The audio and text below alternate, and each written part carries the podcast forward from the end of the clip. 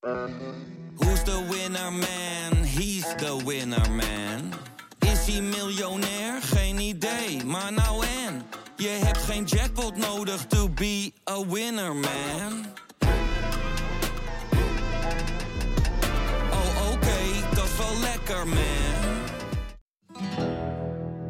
Je rijdt dus door een oorlogsgebied op een, op een vellig, terwijl het keihard regent en overal pikdonker wordt. Nee, we durven niet te stoppen. En eh, ja, eh, Joep is nooit bang. Joep Vermans, de kamerman, die was nu ook echt bang. Via podimo.nl slash gonzo luister je de eerste 30 dagen gratis naar Podimo. podimo.nl slash gonzo.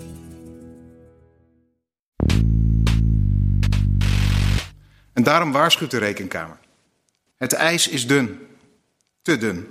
Als we weer in een crisis zoals de coronacrisis terechtkomen, dan is de kans groot dat we meteen weer door het ijs zakken met het zorgvuldig uitgeven van publiek geld. Dit is Betrouwbare Bronnen met Jaap Jansen.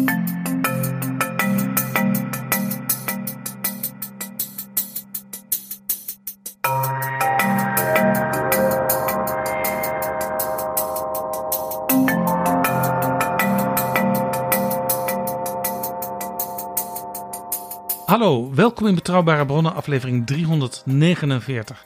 En welkom ook PG. Dag Jaap. PG, wij hoorden zojuist Ewout Eergang, de waarnemend voorzitter, president van de Algemene Rekenkamer. Want het was afgelopen woensdag gehaktdag, zoals ze dat in Den Haag noemen. Verantwoordingsdag. En dat was niet mis. De taal was heel duidelijk. Er sprak op allerlei punten uit het rapport van de Rekenkamer de termen zorgelijk.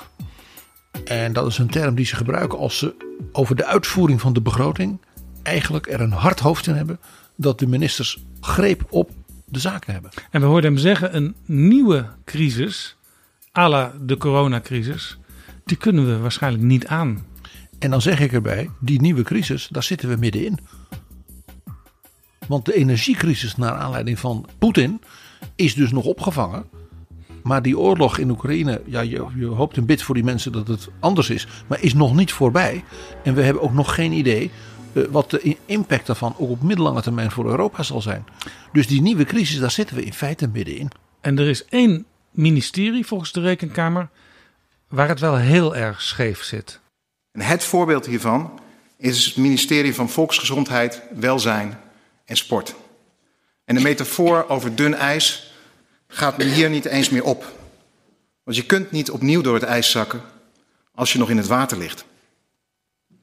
Bij de minister van VWS is het financieel beheer niet op orde. Het is ook niet bijna op orde.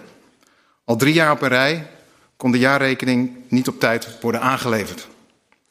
Dus moet de rekenkamer dan steeds die spreekwoordelijke onvoldoendes uitdelen. En het gevaar is dat zoiets op een gegeven moment gewoon wordt. Maar het is niet gewoon. Kortom, PG, laten we het eens gaan hebben over de Rijksfinanciën. Want het was niet alleen woensdag gehaktdag afgelopen week. De week daarvoor is de voorjaarsnota verschenen. Minister Kaag heeft die gepresenteerd. En er is een analyse gemaakt door de Raad van State, de voorjaarsrapportage. En Jaap, wij moeten deze twee maar eens naast elkaar leggen. Want dat stuk van de Raad van State was ook buitengewoon scherp. En op een aantal punten ook eh, ja, een soort aanporren van het kabinet. Van als u niet tempo maakt op een aantal punten, niet heel stevig eh, afwegen. Ook de Kamer heel stevig met het kabinet in discussie daarover gaat. Dan gaat het helemaal mis. Maar eerst, PG, zijn er nog nieuwe vrienden van de show? Jaap, die zijn er. En zoals ik wel vaker dan zeg, ik moet even heel diep ademhalen. Eh, want eh, we mogen, want dat zeg ik, we mogen weer een heleboel mensen als vrienden verwelkomen. En dat doen we bijzonder graag. En dat geldt voor jou, beste Remco, Yvonne, Chef, Dennis, Arjan, Elisabeth, Rick, Rob en Joost. En er zijn ook nog donaties binnengekomen van Rick, Simeon en Ron. En eh, jij zegt, wij mogen ze verwelkomen, de nieuwe vrienden van de show. Een flink aantal vrienden van de show, namelijk een stuk of tachtig. Die mogen wij komende week al verwelkomen, letterlijk in het concertgebouw. Bij Beethoven. En in de pauze eh, dan, dan zien we elkaar en dan heffen we het glas in de museumfoyer. Dus uh, gaat daar allen naartoe. De mensen die van ons als cadeau een helemaal gratis kaartje hebben gekregen. Met dank natuurlijk aan het concertgebouw. Uh, die zitten al op het balkon op de eerste verdieping. Dus dan kun je heel makkelijk naar die museumfoyer lopen. En er zijn natuurlijk ook nog mensen die met 30% korting een kaartje hebben gekregen. Ja, die moeten even zoeken waar is de eerste etage en waar is die museumfoyer. Maar die zijn even welkom. We hopen u allemaal te zien. Want alle betrouwbare bronnen mensen weer dan broeder. Wil jij nou ook vriend van de show worden en misschien in de nabije toekomst ook wel eens zo'n kaartje bemachtigen? Of een mooi boek, of nog iets anders, je weet het niet. Ga dan naar vriendvandeshow.nl slash bb. En een van die nieuwe vrienden die we zojuist verwelkomd hebben is Chef. En die schrijft ons... Beste heren, als liefhebber van geopolitiek, internationale betrekkingen en geschiedenis is jullie podcast telkens weer een lust om naar te luisteren. De combinatie van relevante thema's, diepgang en verschillende invalshoeken die jullie bieden, kom je in Nederland niet veel tegen. Laat staan wat kwaliteit betreft. Die is van een niveau dat ik alleen ken van bijvoorbeeld The Economist of The Financial Times. Ter ondersteuning en als blijk van waardering voor jullie podcast ben ik nu vriend van de show geworden. Dus ga zo door, zou ik zeggen. Vriendelijke groet, chef. Dank, chef. Wat een compliment. Dit is Betrouwbare Bronnen. PG, het was woensdag gehaktdag en de Spaanders vlogen in het rond. Ja, er werd gehakt. Inderdaad. En zowel het stuk van de Raad van State als het stuk van de Rekenkamer onderbouwt, uh, soms zelfs krachtig en met duidelijke cijfermatige voorbeelden, dat daar ook reden toe is. Beide overigens, moet ik meteen bij zeggen, onderstrepen nadrukkelijk dat men volledig beseft dat de kabinetten Rutte, zowel het vorige als het huidige, uh, ja, verzeild zijn geraakt. Net als natuurlijk heel Europa en onze samenleving in zeer turbulente tijden. En dat uh, dus heel veel van ook de financiële perikelen, die waren niet te plannen. Hè? Zoals we altijd weten, een regeerakkoord is altijd na drie maanden al in feite volledig achterhaald. Nou, dat gold zeker voor het kabinet Rutte 4. Dus bij alle begrip en ook zelfs op een aantal punten nadrukkelijke waardering voor wat bepaalde ministeries hebben gedaan, want ook daar zullen we het over hebben, uh, geeft men wel aan dat er echt een aantal hele ernstige problemen zijn. En dat je die niet maar voortdurend kunt uitstellen. Ja, Ewout Eergang die zei dat in de crisisperiode we langs de rand van de afgrond zijn gegaan en soms zelfs er overheen. En niet eens omdat daar de mooiste bloemetjes stonden. Hij had ook nog wel enig begrip voor wat er allemaal gebeurd is. Dat kun je gewoon niet allemaal heel netjes doen op het moment zelf. En hij stipt ook aan in het rapport ministeries waar men ook hele grote bijvoorbeeld noodprogramma's in gang moest zetten. En waarvan hij zegt: Ik vind als ik nou kijk hè, vanuit de rekenkamerrol. Hoe hebben ze dat verantwoord? Hebben ze dat voldoende? Ze hebben ook gecontroleerd dat dat goed ging. Dat hij zegt: Ik vind dat ze dat heel erg goed gedaan hebben. Dat betekent niet foutloos. Dat hoeft ook niet. Dat kan ook niet. Maar bij zo'n enorme klus die je er plotseling bij krijgt. Dat ze in feite gewoon laten, laten zien van het kan dus wel. Ja, en hij noemde daar met name uh, het ministerie van Sociale Zaken en Werkgelegenheid. En ook het ministerie van Economische Zaken. En dat is des te interessanter, want op de reguliere uitvoering van de begroting. Zo zal ook later in dit verhaal blijken, krijgt economische zaken een enorme draai om de oren. Maar blijkbaar bij het ging, bij, bij het, waar het ging om dus die noodprogramma's, zegt dus de rekenkamer, dat vind ik ook heel mooi, die nuance die ze erin brengt, dat hebben ze eigenlijk heel knap gedaan. Onderdeel van dus die grote turbulentie en waar de rekenkamer dus ook nu naar heeft gekeken, hè, dus die hele grote noodprogramma's, is dus een verschijnsel waar dan de Raad van State weer analytisch heel scherp naar is gaan kijken. Daarom dat die twee documenten heel vruchtbaar in hun samenhang bekeken moeten worden. Want de Raad van State zegt: het is wel opmerkelijk dat het kabinet natuurlijk hè, door de nood der tijden, om maar zo te zeggen, behoefte had aan hele grote extra uitgaven te doen door inderdaad bijzondere situaties. Dat worden ook wel incidentele bijstellingen genoemd. En daar is de dat is echt Haags technische afkorting ISB's. Dus incidentele suppletoren begrotingen. Dus als ik het vanaf nu over de ISB's heb, dan moet u begrijpen dat dat daarover gaat. Ja, dat zijn dus uh, brieven die naar de Kamer gaan.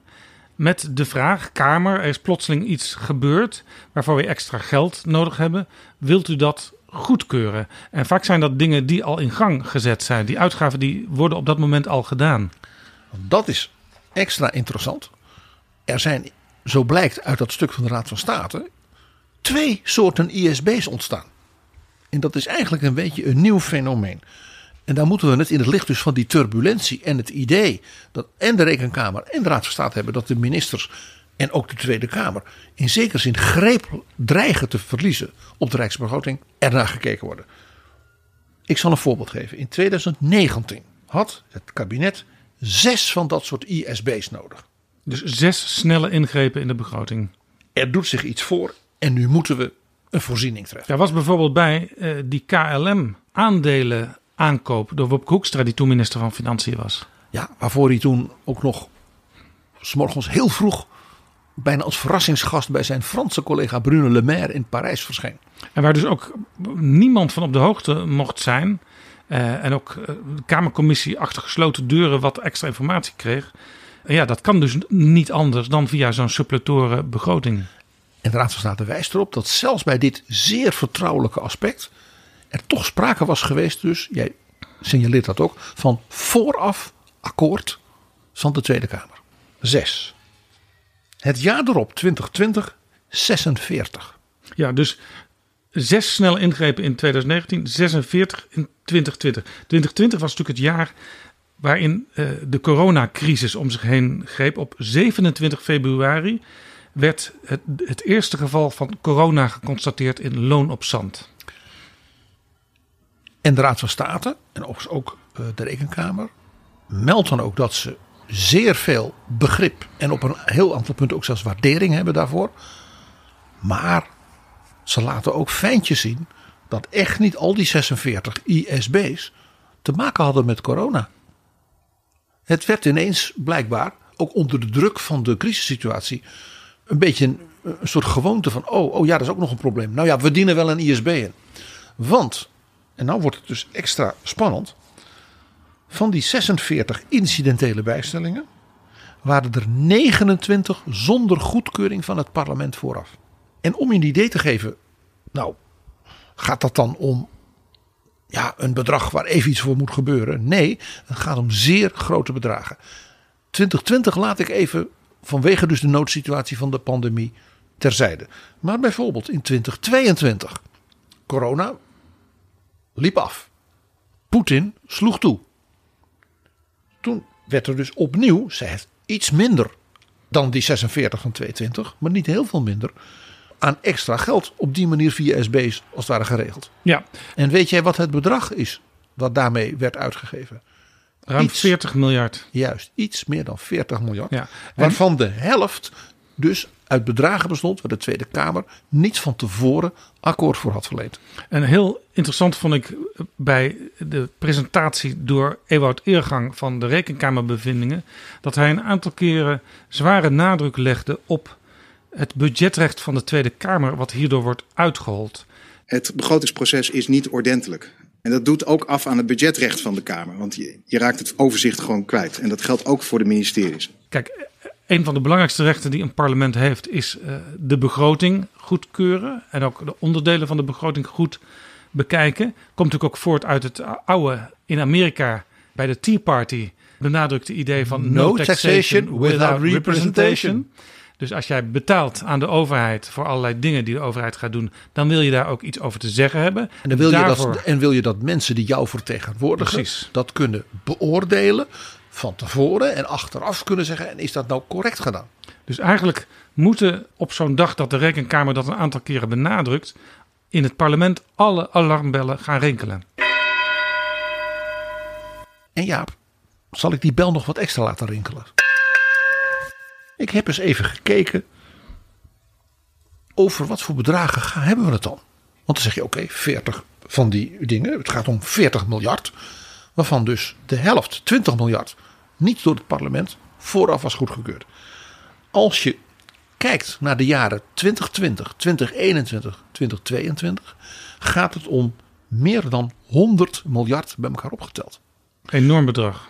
Zal ik gewoon eens die 20 miljard van 2022, waar het parlement achteraf misschien nog kon zeggen: Nou, oké, Wat is 20 miljard? Ja, wat kun je daar allemaal mee doen?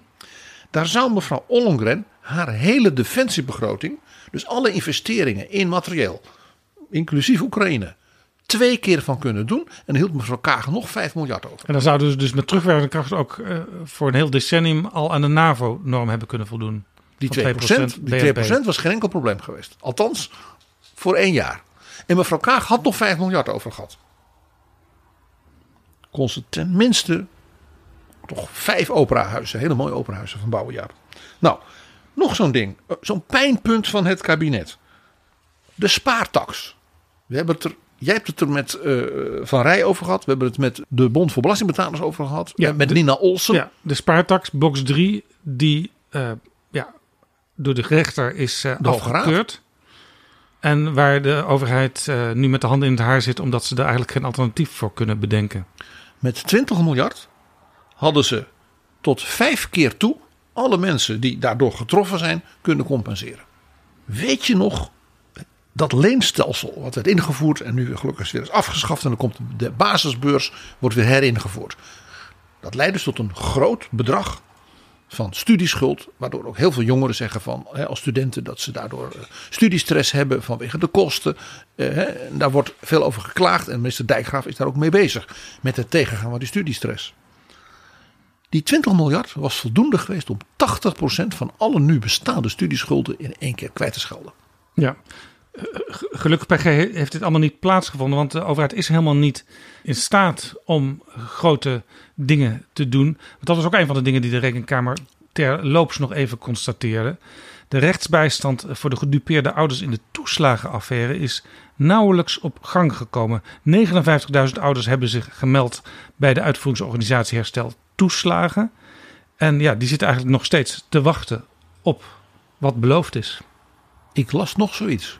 De nieuwe WAO-regeling, daarvan zegt de rekenkamer. Ja, dat is mooi dat je dus al die mensen dan medisch moet keuren. Het probleem is, er zijn niet genoeg mensen om dat uit te voeren.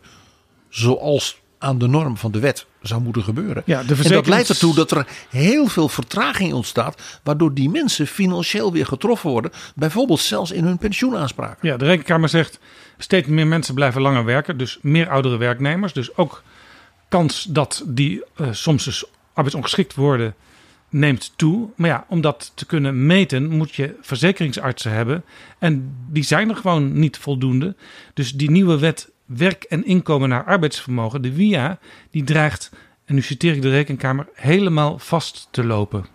En hier zie je dus het probleem van tekorten aan de juiste mensen en eh, professionals en dergelijke.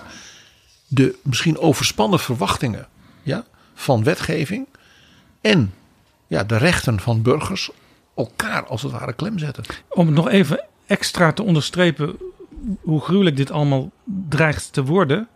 Als je dus moet wachten op zo'n keuring. eh, en ondertussen kun je niet werken, want ja, je, je denkt, ik, ik ben arbeidsongeschikt, maar het moet nog even officieel vastgesteld worden. Dan kom je dus op een wachtlijst te staan. Als je op een wachtlijst staat, dan loop je het risico inkomen te verliezen. Zo heeft het UWV afgelopen jaar al voor 22.500 mensen een voorschot uitgekeerd, zodat ze toch in ieder geval een inkomen hebben. Eh, maar die wachtlijsten die lopen op. En dat kan ook als gevolg hebben dat je een private arbeidsongeschiktheidsverzekering die je hebt niet kan aanspreken. Kan ook tot gevolg hebben dat je geen aanvullend pensioen kan opbouwen.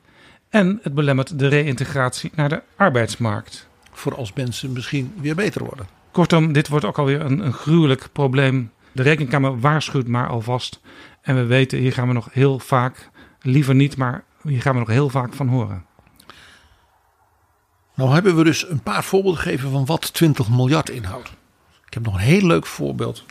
Weet je die 40 miljard van het totale bedrag in 2022 van die ISB. Ja. Weet je wat het kabinet daarmee had kunnen doen? Met 40 miljard Dan hadden ze elke week een complete verbouwing van de Tweede Kamer kunnen financieren. En dan hadden ze nog geld over. Dus de, de extra kosten die waren al inbegrepen. Die we nog gaan krijgen, ook daar waarschijnlijk. Elke week een verbouwing van de Tweede Kamer. Ik denk dat enkele Kamerleden nu zitten te tandenknarsen bij dit voorbeeld, eh, PG. ja, dus ik ga ook maar meteen nu naar de toch vrij scherpe conclusie die zowel de Rekenkamer als Raad van State in hun dus verschillende documenten over verschillende aspecten en ook verschillende kijkwijzen hè, op die rijksbegroting, komen ze toch tot dezelfde conclusie. En dus de conclusie die de Raad van State als volgt formuleerde, namelijk dat er dus grote zorgen zijn over de houdbaarheid van de overheidsfinanciën op middellange en lange termijn. Hoi, ik ben Alexander Klupping. Ik weet dat jij, net als ik, met heel veel plezier luistert naar betrouwbare bronnen. Maar je zou Jaap en PG echt helpen als je nu vriend van de show wordt. Dat kan met een donatie, per maand of per jaar. En dan kunnen ze nog veel meer afleveringen maken en zeg nou zelf, dat wil jij ook. Dus ga nu naar vriendvandeshow.nl slash bb en doe het niet straks, maar nu. Nou kun je misschien denken, PG, ach, dat, cijfergeneuk, eh, dan heb je die rekenkamer weer en dan heb je ook weer die Raad van State weer met zijn bekende commentaar. Heb je die PG Kroeger weer, die altijd zo dol op cijfers is. Maar het gaat niet alleen om cijfers. Hè. Die rekenkamer is al, eigenlijk al heel lang veel, veel breder en dieper aan het kijken naar hoe dingen werken. Ze kijken traditioneel altijd naar, is het geld volgens de regels geïnd en besteed? En ze kijken naar de bedrijfsvoering, zijn de zaken goed geregeld? Maar waar ze in de loop van de jaren steeds meer naar zijn gaan kijken is... wat is eigenlijk het resultaat eh, van het beleid? Krijgen we waar voor ons geld? Er worden dus allerlei dingen beloofd van oké, dan gaan we dat probleem oplossen... of dan kunnen we dat probleem een heel eind verminderen. Uh, maar gebeurt dat ook daadwerkelijk met het beleid wat is ingezet? En wordt er dus geleerd van bijvoorbeeld eerdere analyses van de rekenkamer... ten aanzien van de bedrijfsvoering... Hè? Uh, als u een nieuwe wet invoert, heeft u dan wel opgelet of er voldoende verzekeringsartsen zijn? Om eens even dat harde voorbeeld te geven. En ook, wat een interessant punt is, is dat ze zeggen: kijk nou naar een veel bredere benadering. Dus niet alleen maar een kwantitatieve, cijfermatige. Hoewel de rekenkamer daar natuurlijk en terecht dol op is. Maar altijd zegt: staat het in een breder maatschappelijk kader van wat we met elkaar als samenleving willen met zo'n rijksbegroting. Ja. Dus ze zeggen ook, kijk nou naar het brede welvaartsbegrip en de duurzame ontwikkelingsdoelen, de SDG's zoals dat zo mooi heet, van de Verenigde Naties.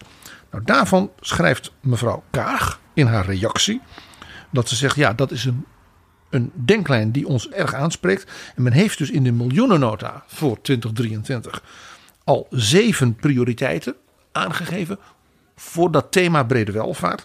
En men gaat dus de, de monitor op dat punt verder uitbouwen. En men zal dus in de loop van de toekomst in feite dit integreren in het totaal van de cyclus van de rijksbegroting.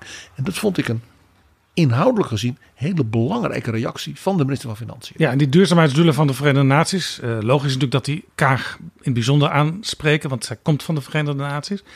Maar als je daar heel erg op gaat focussen van hoe pakt Nederland dat aan, dan is dat ook interessant voor allerlei andere landen, eigenlijk alle landen in de wereld, die zich ook hebben gecommitteerd aan die duurzaamheidsdoelen. Dus uh, die zouden in deze zin ook misschien nog van uh, de Rekenkamer en van Kaag kunnen leren. Uh, van hoe doe je dat als land? Mag ik nog een ander voorbeeld kort Jaap aanstippen van dus die wat brede manier van kijken die de Rekenkamer meer en meer is gaan doen. Men heeft bijvoorbeeld dit keer dus een korte passage, maar wel heel indringend, gezegd: wij zijn nadrukkelijker gaan kijken naar de manier waarop algoritmen het overheidsbeleid en dus ook de, de toekenning van financiële middelen aan burgers, maar ook dus in het oplossen van problemen doen. En ze hebben daarbij zelfs een aantal algoritmen specifiek bekeken. Eén daarvan zeggen ze, dat werkt heel goed. Bij een andere, ik geloof bij EZK, daarvan zeggen ze, dat werkt helemaal niet goed, dat algoritme. U moet daar nog eens heel kritisch naar kijken. En ik vond dat interessant, want daarmee pakt eigenlijk de Rekenkamer heel concreet, feitelijk op wat de Venetië-commissie, ook in het gesprek dat wij met Richard Barrett hadden, ja. aanstipte. Namelijk dat alle hoogontwikkelde landen hiermee worstelen. En dat eigenlijk elk land in zijn eigen organisatie zoals dus de Rekenkamer nu doet, dit is heel scherp moet analyseren. En de Venetië-commissie zei, laten dus de grote overheidsapparaten in heel Europa hier van elkaar gaan leren. Ja, en dat gesprek met Richard Barrett hadden we naar aanleiding van de toeslagenaffaire. Die natuurlijk ook ontstaan is doordat er eigenlijk veel te enthousiast werd gewerkt met algoritme door de Belastingdienst. En zo zie je dus hoe dus dit soort dingen in dit rapport van de Rekenkamer ook weer bijeenkomen. Wat ik ook heel interessant vond in het uh, rekenkamerrapport. En dat uh, gaat ook een beetje over die laatste vraag: krijgen we waar voor ons geld? Is het beleid ook zo dat, dat het resultaat is waarvoor men dat beleid in gang heeft gezet? Eh, ze hebben een heleboel subsidies bekeken. Dat doen ze elk jaar. En een van die subsidies die ging erover om meer mensen aan te trekken voor ICT en techniek. Daar hebben we een aantal afleveringen van Betrouwbare Bronnen ook aangeweid, PGE. Heel onlangs nog met de mensen van talent. Sorry, heel onlangs nog met mensen van talent voor technologie en bijvoorbeeld ook de man van ASML. Ja, en er is een, een subsidiepotje van 75 miljoen voor ingericht. Was en dat niet van EZK? Ja, dat is van EZK, Economische Zaken en Klimaat. En van die 75 miljoen, hoeveel zou daarvan opgebruikt zijn? Ja, je weet het waarschijnlijk al, PG. ik, ik, ik geloof een miljoen of zo. Hè? Ja, 74 miljoen is niet gebruikt.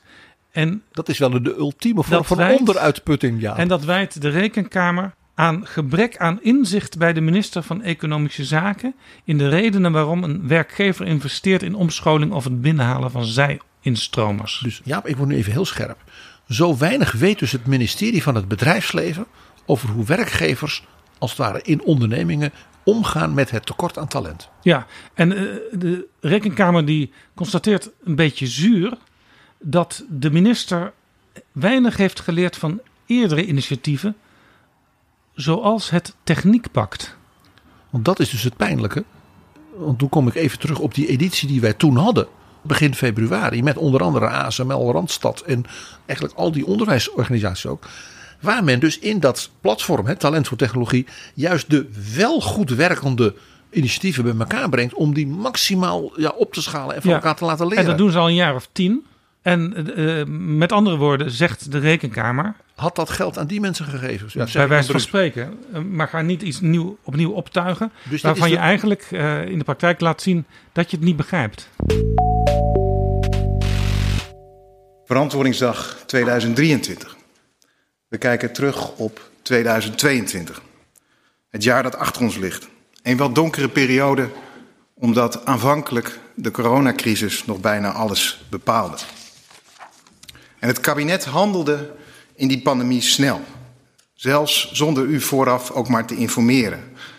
En te vaak zonder wet en regelgeving altijd correct na te leven. PG, we hoorden Ewart Eergang verwijzen naar eh, de coronacrisis. En ook een beetje daarbij dat het, dat het ja, begrijpelijk is dat dingen plotseling moesten gebeuren. Dat het niet allemaal volgens het boekje kan. Ja, maar, hij, hij geeft aan, in feite dus een, wat ik noem een tweeledig beeld. Dus daar zit een hele duidelijke nuance in. Maar die nuance leidt niet tot zeg maar, een soort slappe hap verhaal. Integendeel, ja, hij want, zegt, want de vraag is natuurlijk, eh, als zo'n crisis dan weer voorbij is, hoe gaat het dan met de aanpak eh, van al die dingen waar de rekenkamer zo scherp naar kijkt? wat zij dus constateerde, is dat er waren op allerlei ministeries, daar hebben ze de prachtige term, die moeten we echt onthouden, hardnekkige onvolkomenheden voor. Dat is een prachtig co- codebegrip, hardnekkige onvolkomenheden, onthoud die. Daar komt dus die enorme crisis overheen. Dus de rekenkamer zegt, dan hebben wij er begrip voor dat je die al langer lopende dingen die niet goed gaan, dat het dan even daar misschien stil ligt. Of, want dat constateren ze ook, dat ze die onvolkomenheden dus verergeren door die crisis. Want dan moet men dingen doen en daar was men al niet goed in. Tegelijkertijd zeggen ze, we stellen ook vast dat men in die crisis, en dat geldt zowel voor de pandemie als voor, ik zal maar zeggen, oorlog en Oekraïne en alles, zeer krachtdadig en ook vaak heel to the point heeft ingegrepen. Dus er is ook heel duidelijk waardering. Dat daarbij eh, steken vallen, altijd, het is altijd mensenwerk. Eh, En bij, in zo'n noodsituatie gaat niet altijd alles meteen goed. Maar zij zeggen het is opvallend dat 2021, vooral 2022, we zien dat dus daar een heleboel dingen weer wat ja, dempten. Dat het er allemaal wel, wel weer minder crisisachtig was. Maar dat betekent dus niet dat die al langer lopende perikelen die er al waren, als het ware mee opgelost zijn. Zij merken dus dat een aantal van die dingen met verhevende kracht nu weer naar boven komen. En dat maakt dus de zaak heel kwetsbaar. Ik heb een paar voorbeelden uit dat rapport, Jaap, die we misschien eens even moeten langslopen, omdat die zowel in die nuance als ook in de zorgen die ze hebben wel opvallend zijn. Bijvoorbeeld, zij zeggen: kijk, dat ze bij VWS in zo'n pandemie als ministerie natuurlijk volledig overrompeld werden. Alle begrip. Dat men dus ook allerlei noodmaatregelen moest nemen. Het, het aanschaffen van vaccins, nou, vul maar in. Dat daar niet alles goed gaat, het zij zo. Het probleem was dat ze zeiden: van wij merken dat het ministerie voor het derde jaar op rij niet zijn financiële jaarcijfers op tijd gewoon beschikbaar had. En dat de rekenkamer zei, wij moesten zelfs, terwijl wij al bezig waren, kwamen er nog allemaal mutaties van, oh ja nee, ja nee, dit klopt er niet wat we u hebben aangeleverd. Ja, tot halverwege maart 2023 waren correcties nodig om een goed beeld over 2022 te krijgen. En dan zeggen ze, dan nog moeten wij voor miljarden euro's afrekeningen van voorschotten, uitgaven, verplichtingen bij dit ministerie als onrechtmatig of onzeker bestempelen. En het liep dus daarvoor al niet goed. En ze zeggen, eh, dus bij alle begrip voor die noodsituatie, het tempo om bij VWS het financieel beheer op orde te krijgen ligt te laag. Hoe komt het nou dat de minister van VWS het financieel beheer niet op orde krijgt?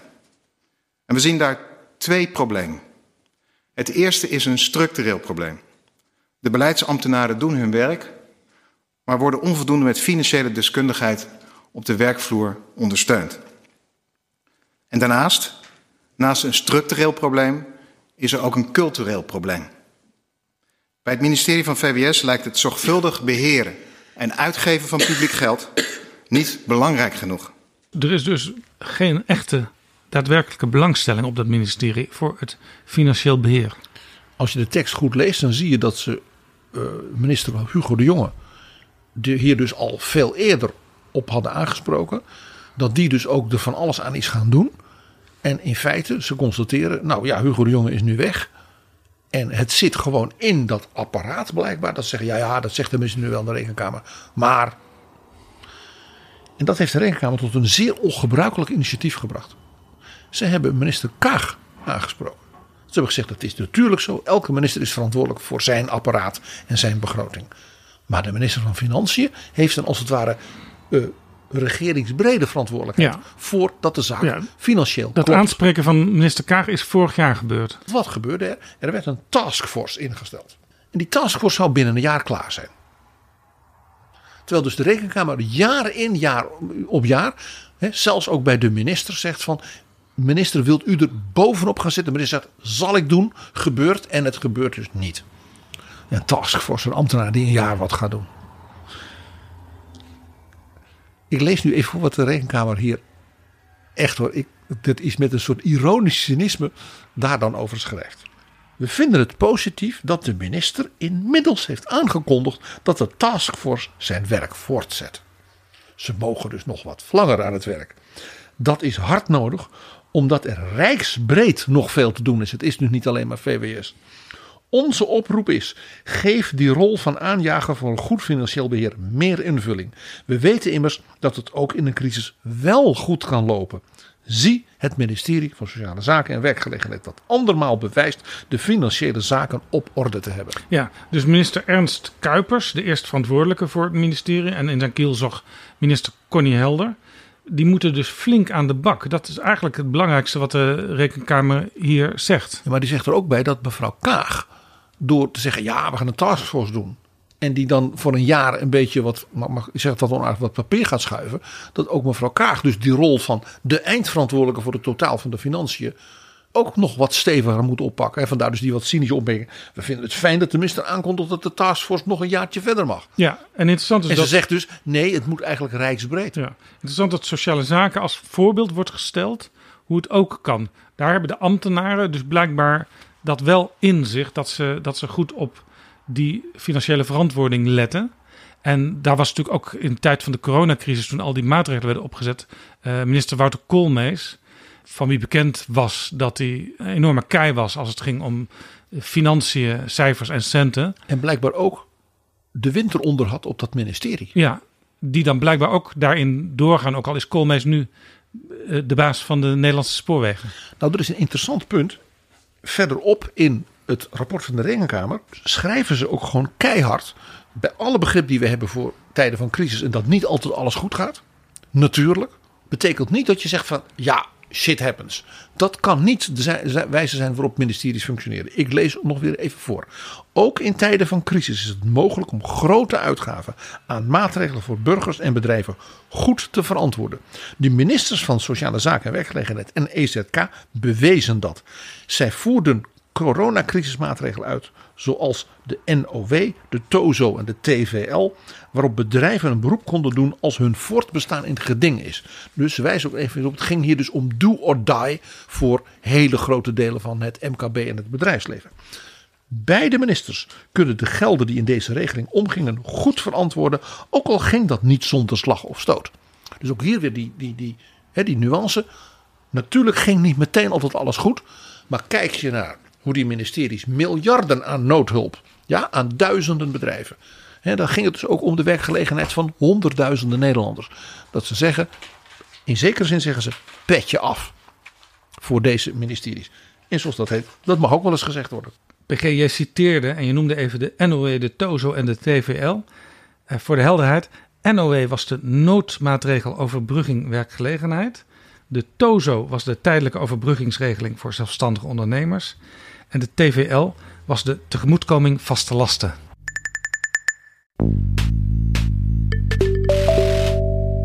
Dit is Betrouwbare Bronnen, een podcast met betrouwbare bronnen.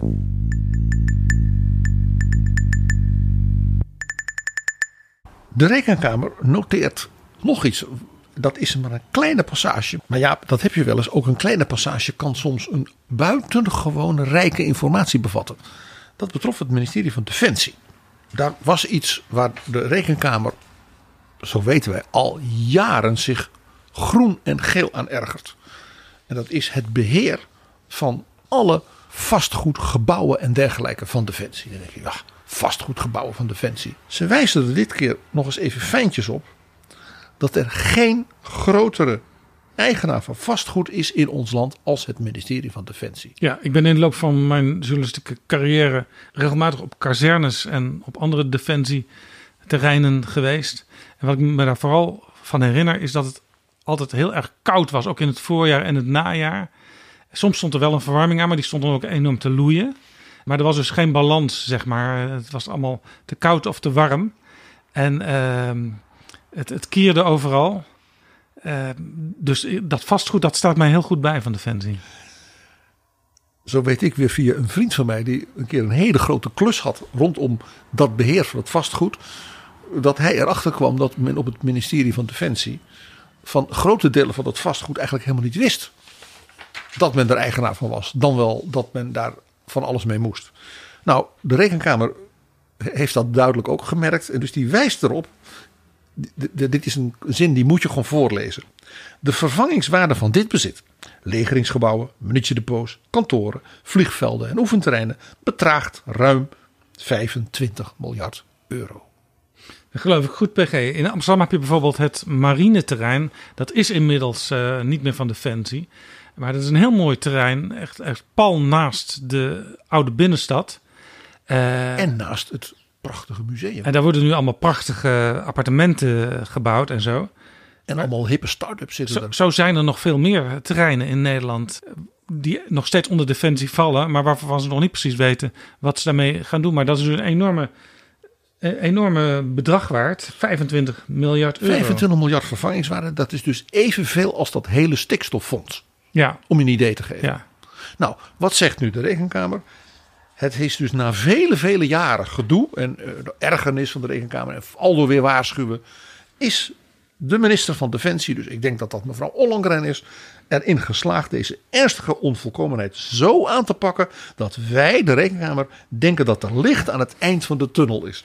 Nou, die term duidt al op hun irritatie over de voorgaande jaren hoe dit liep. Maar het geeft dus aan dat al, al die opmerkingen elk jaar weer opnieuw van de Rekenkamer, dat die dus in sommige gevallen eh, wel worden gehoord en ook de problemen worden aangepakt.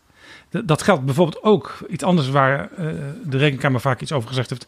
De inkoop van eh, allerlei spullen bij Defensie. Bijvoorbeeld hun voorraadbeheer munitie, dat gaat ook beter. Dan denk ik ook een klein beetje logisch, want ze krijgen er ook meer, meer geld voor. Maar de Rekenkamer doet soms ook dingen die je niet meteen verwacht. Ze hebben acht beveiligingstests gedaan Er zijn dus gewoon teams van de rekenkamer gaan kijken of de deuren en de poorten wel overal goed op slot zitten en of je niet zomaar binnen kan wandelen. Zodat dat alle pacifisten in Nederland met demonstraties de JSF's kunnen bezetten. En dat hebben ze bekeken inderdaad bij vliegtuigen, bij schepen, eh, bij voertuigen, in datacenter, eh, radarinstallaties, ook bij wapensystemen. Hebben ze acht tests gedaan. En bij de helft bleek het allemaal niet op orde. Hè? En dan denk je van ja, is dat niet gevaarlijk? Want uh, dan wordt er geschoten misschien als je plotseling uh, onbevoegd ergens rondloopt. Uh, de top van Defensie was wel op de hoogte dat er wat ging gebeuren. Maar de mensen op de werkvloer niet. En wat blijkt nou? Bij vier van de acht tests bleek de beveiliging niet op orde. En kon het team gewoon toegang krijgen. Ze konden Ze zo een ook- hek overklimmen. Ja, en ze hadden ook dingen kunnen beschadigen of weg kunnen halen. We zagen organisatorische, bouwkundige en elektronische tekortkomingen. Maar het belangrijkste is nog dat eh, er gewoon mensen, bij wijze van spreken, over de gang liepen. Die zagen dat dat team van de rekenkamer binnen was. Maar niet vroegen, wat komt u hier doen? Kunnen we u helpen of zo? Nee, eh, waar moet u zijn? Oh, dat is daar, eh, rechtsom. Dan vind je het wel en zo. Nou ja. Die, die knop voor de atoombom, drie hoekjes links. Ja. Ja, dus ook dit doet de rekenkamer. Dus eh, ik weet niet of ze daar nog veel vacatures hebben. Maar het is best leuk om soms ook dit soort dingen te doen als je bij de rekenkamer werkt. Ik lees voor. Voorbijgaand defensiepersoneel stelde geen vragen. Onze conclusie is dat de beveiliging van militaire objecten ondermaats is.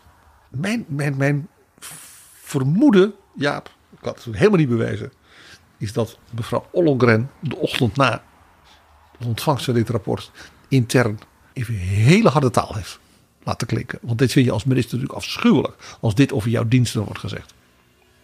En de rekenkamer heeft al aangekondigd dat de specifieke onderzoeken die ze doen, dat ze die gaan herhalen op gepaste momenten.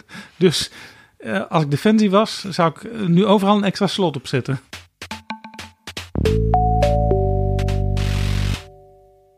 PG, we noemden al sociale zaken en werkgelegenheid. Dat werd dus positief genoemd door de rekenkamer. Die kunnen het wel. Eh, Bij algemene zaken hadden ze hun zaken ook adequaat op orde. Dat is het ministerie van de minister-president.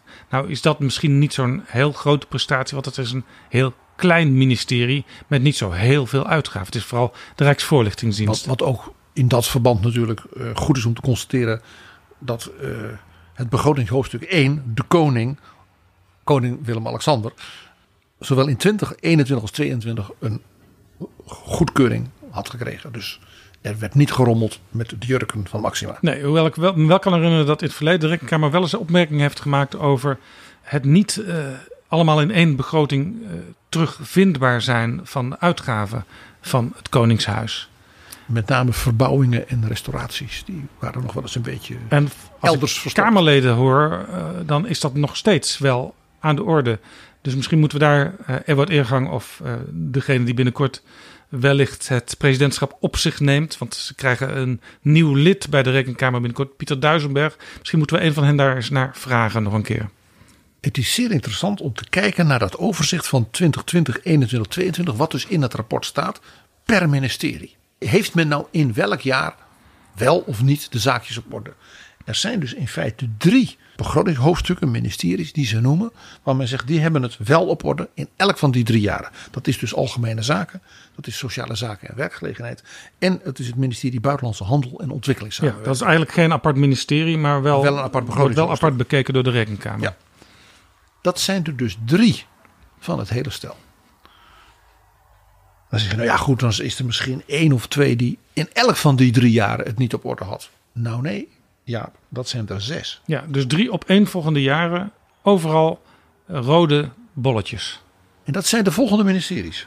Justitie en Veiligheid.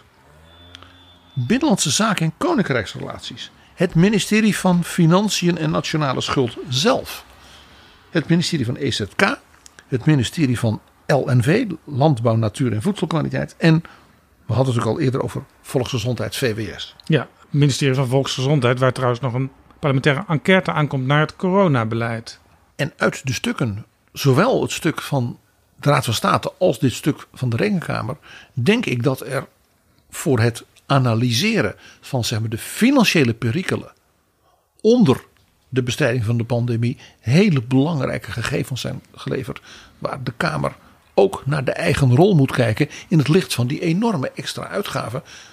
Die de Kamer ook blijkbaar niet behandeld heeft. Waar de Kamer ook blijkbaar met de ministers niet over hebben gepraat. Behalve achteraf. Is de Kamer op dat punt ook zelf voldoende alert geweest? Zou de Kamer zich kunnen afvragen. Alle andere ministeries, Jaap, hadden dus op één of twee van die drie jaren hun zaken toch niet op orde. Heel interessant hierbij vind ik het ministerie van Justitie en Veiligheid. Want daar blijkt in de loop van het jaar gemiddeld 326 miljoen extra te moeten worden vrijgemaakt.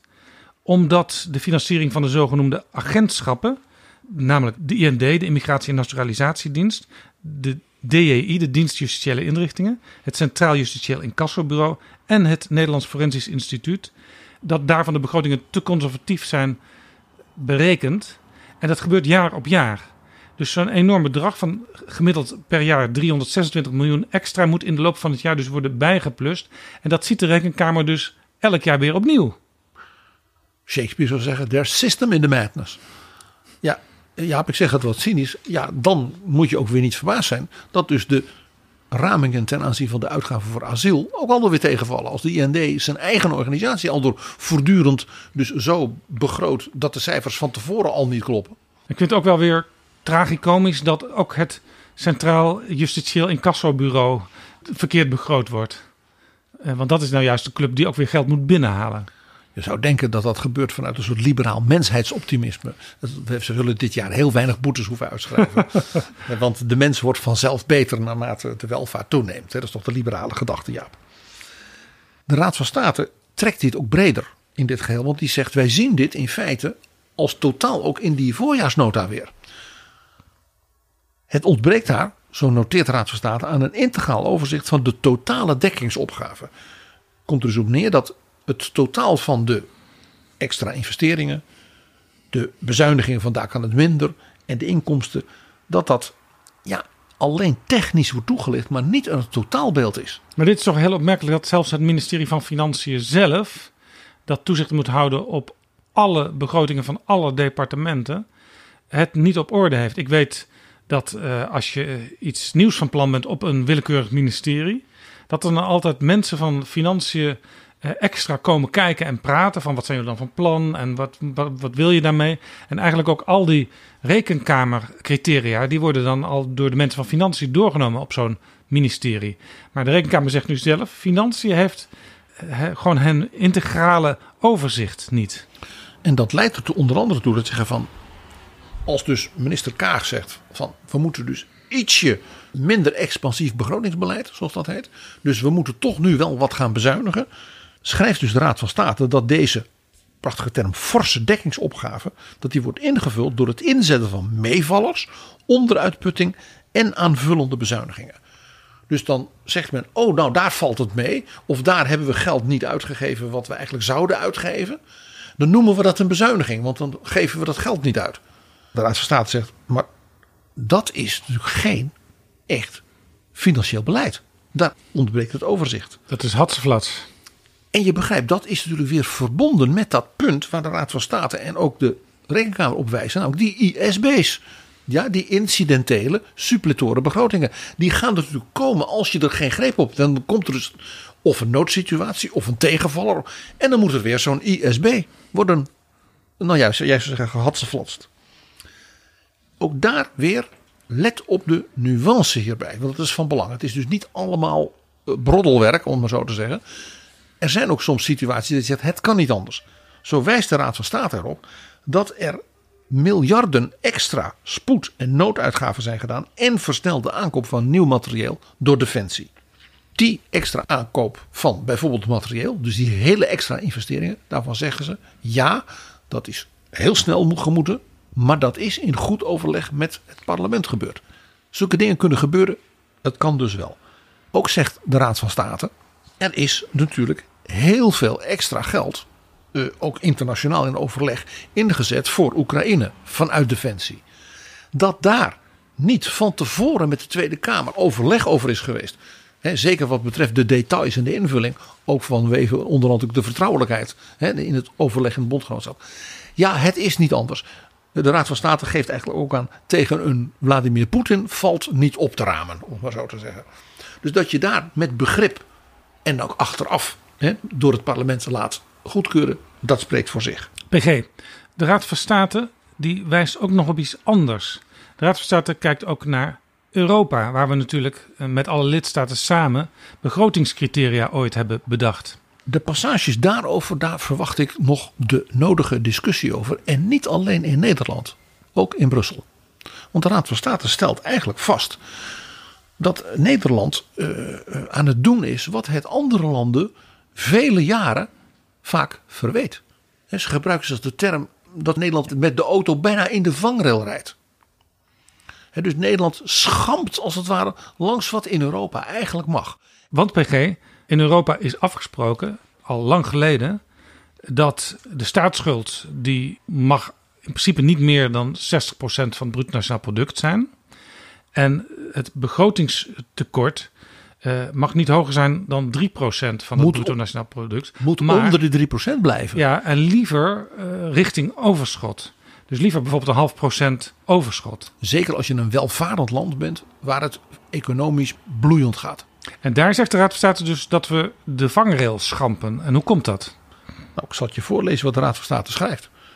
Die hebben gewoon met de cijfers ook in het meerjarenperspectief en dan komt dus die conclusie waar ik het eerder over werd, dat die houdbaarheid middellange en lange termijn dus echt in het geding is. Een middellange termijn betekent niet over 15 jaar. Middellange termijn is volgende kabinetsperiode al. Laten we even luisteren naar wat Tom de Graaf hierover zei deze week op de radio bij Sven op 1.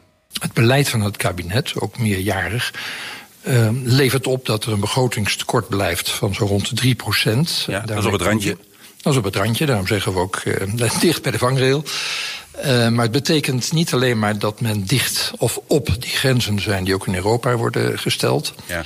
Op grond van de stabiliteits- en groeipact. Maar ook dat daardoor er heel weinig ruimte is om buffers eh, te hebben en om tegenvallers op te vangen. En dat betekent dat uh, als dit expansieve begrotingsbeleid, en veel investeringen, Um, als die wordt voortgezet, dat een volgend kabinet bij tegenvallers uh, moet bezuinigen. En als men nieuw beleid wil maken, moet men of de lasten verhogen of, uh, of bezuinigen. En dat is natuurlijk wel een, beetje een hypotheek op de toekomst. Dus wat zegt de Raad van State eigenlijk? Wil Nederland zich dus houden aan de afspraken die Nederland zelf altijd zo belangrijk vindt in Europa en ook andere landen voortdurend voorhoudt? Dan zet dus het huidige begrotingsbeleid van Rutte 4, de kabinetten Rutte 5 en Rutte 6, nu al klem. Maar PG, moeten we dit niet zien in het licht van wat minister Kaag in Europa al een beetje heeft voorbereid samen met haar Spaanse collega-minister van Financiën? Namelijk, die criteria die zijn belangrijk, maar ze moeten wel soepeler worden getoetst. Want elk land heeft zo zijn eigen eigenaardigheden. En dat heeft de Europese Commissie ook gezegd dat men die kant op wil. Ja, ik zeg het een beetje ondeugend. Uh, dat mevrouw Kaag zich met de Spaanse collega's zo goed kon verstaan hierover. Is misschien wel omdat Nederland een beetje Zuid-Europees financieel beleid aan het voeren is. Nou, dit komt natuurlijk ongetwijfeld op tafel bij de beoordeling van het zogenaamd Europees semester.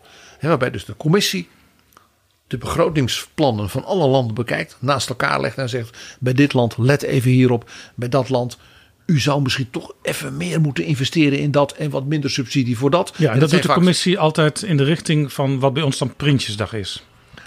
En met deze analyse, die natuurlijk daar ook gelezen gaat worden, komt dit natuurlijk vol op tafel.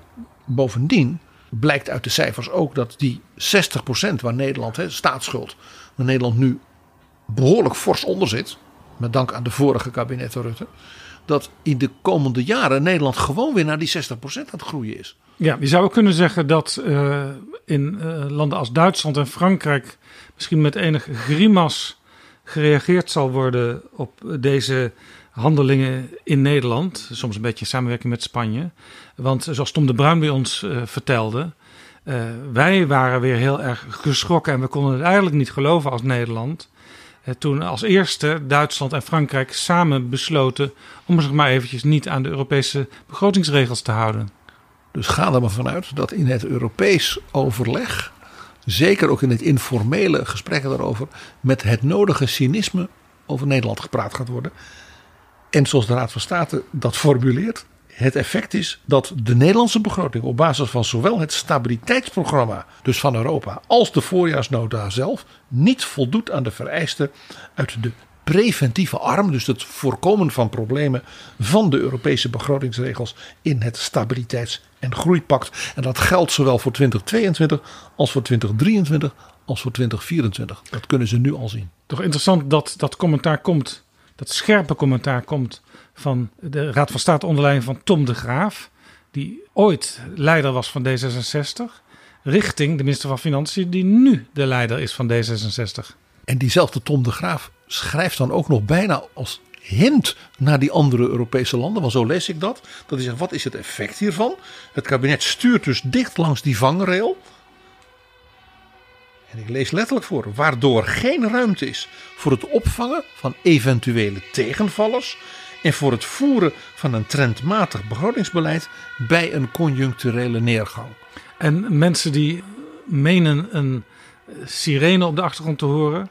Dat is niet omdat er hier letterlijk iemand in de vangrail, uh, door de vangrail gereden is. En het is ook niet Tom de Graaf die op die manier Sigrid Kaag wil waarschuwen. Maar dat is omdat we in Amsterdam opnemen en daar rijden nu eenmaal af en toe, het is nu eenmaal een wereldstad, wagens met sirenes langs.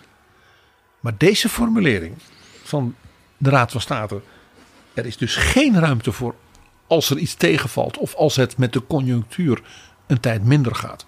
Dus dan zit Nederland onmiddellijk in last.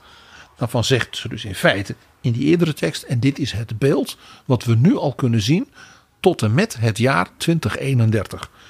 Nou, reken maar dat daar Europees nog wel het een en ander over gediscussieerd gaat worden met Nederland. En daar moeten dus ook enkele volgende kabinetten, eh, welke partijen daar ook in zitten, die mogen dan eh, de rommel opruimen. En als je nou dacht dat dit erg was, toen ik dus dat stuk van de Raad van State nog een keer doorkwam, kwam ik nog iets tegen. De Raad van State zegt, ja kijk, wij kijken dus nu naar de, dat noemen ze voorjaarsbesluitvorming. Hè, dus die voorjaarsnota met de blik vooruit op Prinsjesdag. En dan komen zij tot een lange passage, die ik maar niet eens heel ga voorlezen. Van alle punten waarvan dus het kabinet, dus de minister van Financiën, de Raad van had gemeld, ja, die zijn nog niet meegenomen in deze voorjaarsnota. Natuurlijk zijn dat die dingen alle begrip, hè, zoals al eerder was aangegeven, van bijvoorbeeld extra uitgaven die nog nodig zouden zijn ter ondersteuning van Oek Oekraïne. Maar bijvoorbeeld wat er moet gebeuren, kosten voor de asielinstroom, zit er niet in. Ook niet het extra geld naar aanleiding van bijvoorbeeld de enquête over de aardgaswinning in Groningen. Ja, en ik hoorde al, dacht de minister zelfs zeggen, dat een nieuw energie plafond, als we een uh, hele koude winter krijgen en nog steeds hoge energiekosten, uh, dat zo'n plafond er niet meer in zit. Daar is gewoon geen geld meer voor. En er zijn dus nog hele grote posten, noem er een paar, van dus de Raad van State zegt, ja, die zitten nog helemaal niet eens in de cijfers. Daar komt zelfs nog iets bij. Dus bovenop de lijstpunten die de Raad van State noteert, het ministerie van Financiën heeft gezegd van ja, het lukt toch niet hoor met die toeslagen gedupeerden. Om dat allemaal heel snel te doen. En dat gaat om vele duizenden mensen. Dus dat gaat men nu particulier uitbesteden. Ja. Nou één ding, daar is dus geen raming van te maken van wat dat gaat kosten. Want daar heeft men dus duidelijk geen idee van nog. Nee, en je weet als je externe adviseurs eh, binnenhaalt, dan wordt dat vaak veel duurder dan dat je het in eigen huis had uh, opgelost. Dan hoop je dat het sneller gaat en efficiënter. Maar goedkoper wordt het zelden. Af en toe hoor je in betrouwbare bronnen een advertentie, maar vaak ook niet. En dat is jammer, want we hebben graag meer adverteerders. Want ook daarmee houden we betrouwbare bronnen online. En als jij nou werkt bij een organisatie of een bedrijf waarvoor het misschien best nuttig kan zijn om bij ons te adverteren, neem dan contact op. En je bereikt via betrouwbare bronnen heel veel jonge mensen met grote maatschappelijke politieke belangstelling. En natuurlijk de decision makers van Nederland en in Brussel. Stuur een mailtje aan adverteren.darrenacht.nl en dan neemt de reclameafdeling van Betrouwbare Bronnen, ja ja, neemt dan contact met je op. Adverteren,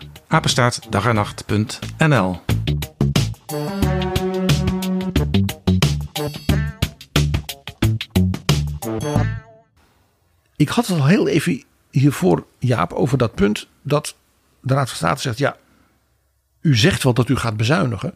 Feitelijk wordt zogenaamde onderuitputting ingezet. Oftewel geld dat op de lat lag om besteed te worden, maar waar men er niet aan toe komt om dat geld uit te geven. Ja, en dat komt vaak op dit moment omdat er niet goed mensen zijn om dat werk te doen. De arbeidsmarkt is zo krap, dat is eigenlijk een goed punt natuurlijk. Er is weinig werkloosheid. Maar het betekent aan de andere kant ook dat een heleboel dingen die ook moeten gebeuren, gewoon niet gedaan kunnen worden. Onder andere dus beleidsdaden waarvan men bijvoorbeeld ook tegen de Kamer en de samenleving had gezegd: we gaan aan de slag, dit is belangrijk, dat moet gebeuren. Om je een idee te geven over wat voor bedragen dat gaat. Dus door gewoon te tekorten aan mensen. In 2022 was dat een bedrag van 9 miljard dat niet kon worden uitgegeven. Dus dat is bijna 1% van het bruto nationaal product. Ja, en dat wordt dus dan weer als bezuiniging ingeboekt en dat is ook weer niet de bedoeling. En Dus- dat gaat omhoog naar 1,1% van het BNP in 2023. Nog even, en het bedrag is zo groot als de defensieuitgaven, Jaap, die 2%. En ja, één ding is duidelijk. Op het moment dat er wel dingen gaan gebeuren, gaat men natuurlijk die activiteiten waarvan men zei die zijn nodig, alsnog doen. Maar ja, dan heeft men dat geld inmiddels dus via de voorjaarsnota als bezuiniging ingeboekt. Dus dan krijg je, weet je nu al, bijvoorbeeld over twee jaar op die terreinen ernstige problemen. PG, er is dus voor minister Kaag en voor het hele kabinet eh, dus heel veel huiswerk nu gegeven door de Raad van State en door de Algemene Rekenkamer. Mag ik van de rekenkamer één klein voorbeeldje geven? Bladzij 55 noteren zij uit onderzoek dat eigenlijk het ministerie van EZK geen idee heeft door monitoring of nou energiebesparingsmaatregelen echt structureel zo werken als bedoeld. En zij zeggen dat betekent dat Nederland in feite naar Europa niet voldoende kan rapporteren en verantwoorden of de maatregelen in het kader van het klimaatpakket van minister Jetten voor energiebesparing feitelijk werken.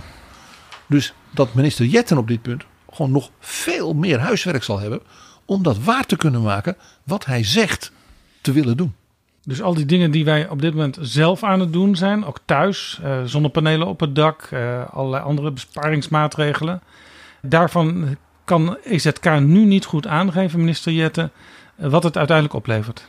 En dat geldt dus ook voor bedrijven en organisaties en dergelijke. En ja, dat men in Brussel natuurlijk wacht op de rapportage uit elke lidstaat. Dat spreekt voor zich. Dat gaat Brussel niet allemaal. Het is geen superstaat, hè? Gaat Brussel niet allemaal zelf controleren. Dat doen de lidstaten zelf. Europa zijn de lidstaten. Ook op dit terrein. Dus dat betekent dat lidstaat Nederland hier zelf moet presteren. Dus niet alleen die ministers hebben heel veel huiswerk. Om te beginnen de minister van Financiën. Maar ook natuurlijk de Tweede Kamer. Want het lijkt me nuttig dat de Tweede Kamer over dit soort dingen binnenkort, nou dat gaat ook gebeuren, met het kabinet een heel stevig debat voert. En het kabinet ook ja, zijn richtlijnen meegeeft. Kabinet, geef voorrang aan dit of aan dat. PG, dat rapport van de Rekenkamer dat afgelopen woensdag, gehaktdag, gepresenteerd is, heet Van de dingen die niet voorbij gaan. En ja, dan denken wij natuurlijk onmiddellijk aan Louis Couperus. Aan zijn beroemde en tragische Haagse roman in Haags-Indische families van oude mensen. De dingen die voorbij gaan. Een boek met op de kaft een mes. Want er is een groot familiegeheim dat door de hoogbejaarden, die als het ware zeg maar, de, de, de, de chefs van die familie zijn, nog uit hun Indische tijd met hen wordt meegedragen. En er is ook een televisieserie van gemaakt in de jaren 70. En daarin speelt Stefan Kolen, die nu bij RTL Nieuws werkt. Die speelt daar als 16-jarige jongen eh, de rol van een 14-jarige. En dat deed hij omdat je met 16 niet meer bij de arbeidsinspectie allerlei ontheffingen hoeft te vragen die je dan vervolgens weer niet krijgt. Ik zou bijna zeggen, de rekenkamer zal dat in die tijd wel hebben gecontroleerd, ja. En ja, een van de eerste dingen die hij roept, en dat gaat waarschijnlijk over dat mes wat op die kaft van het boek staat, is bloed, bloed, ik zie bloed. Alles is schoon. Vannacht was hier bloed. Bloed? Overal bloed. Nee, is er niet bloed. S- Signor Harold dromen. Gedroomd? Ja, maar bukan weet. Signor Harold hele nacht door maar roepen. Heel kort is droomje bedoel. Waar is papa? Papa weg, misschien komt straks. Was hij vannacht niet hier? Niet, papa niet hier. Die serie die kun je helemaal nog terugkijken als je Stefan Kolen wil zien schitteren op YouTube. Daar staat hij op. En zoals de Rekkenkamer schrijft, net als in de roman van Couperus is hier sprake van een last uit het verleden die het kabinet blijft achtervolgen. En als liefhebber van Couperus dacht ik toen, wie of wat is in dat kabinet dan de stille kracht? Of gaat minister Kaag door met langs lijnen van geleidelijkheid te werken aan ene illusie? En is hier dus sprake van het noodlot van de kleine zielen. Dankjewel, PG.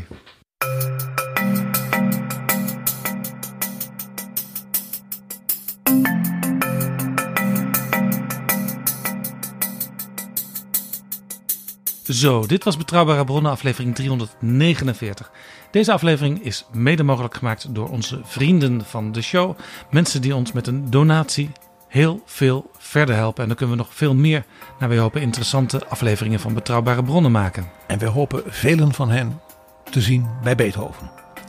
Aanstaande woensdag 24 mei. En je kunt vriend van de show worden als je ons stelselmatig, namelijk elke maand of elk jaar, met een donatie verblijdt. Ga daarvoor naar vriendvandeshow.nl slash bb. Tot volgende keer. Betrouwbare bronnen wordt gemaakt door Jaap Jansen in samenwerking met dag en nacht.nl.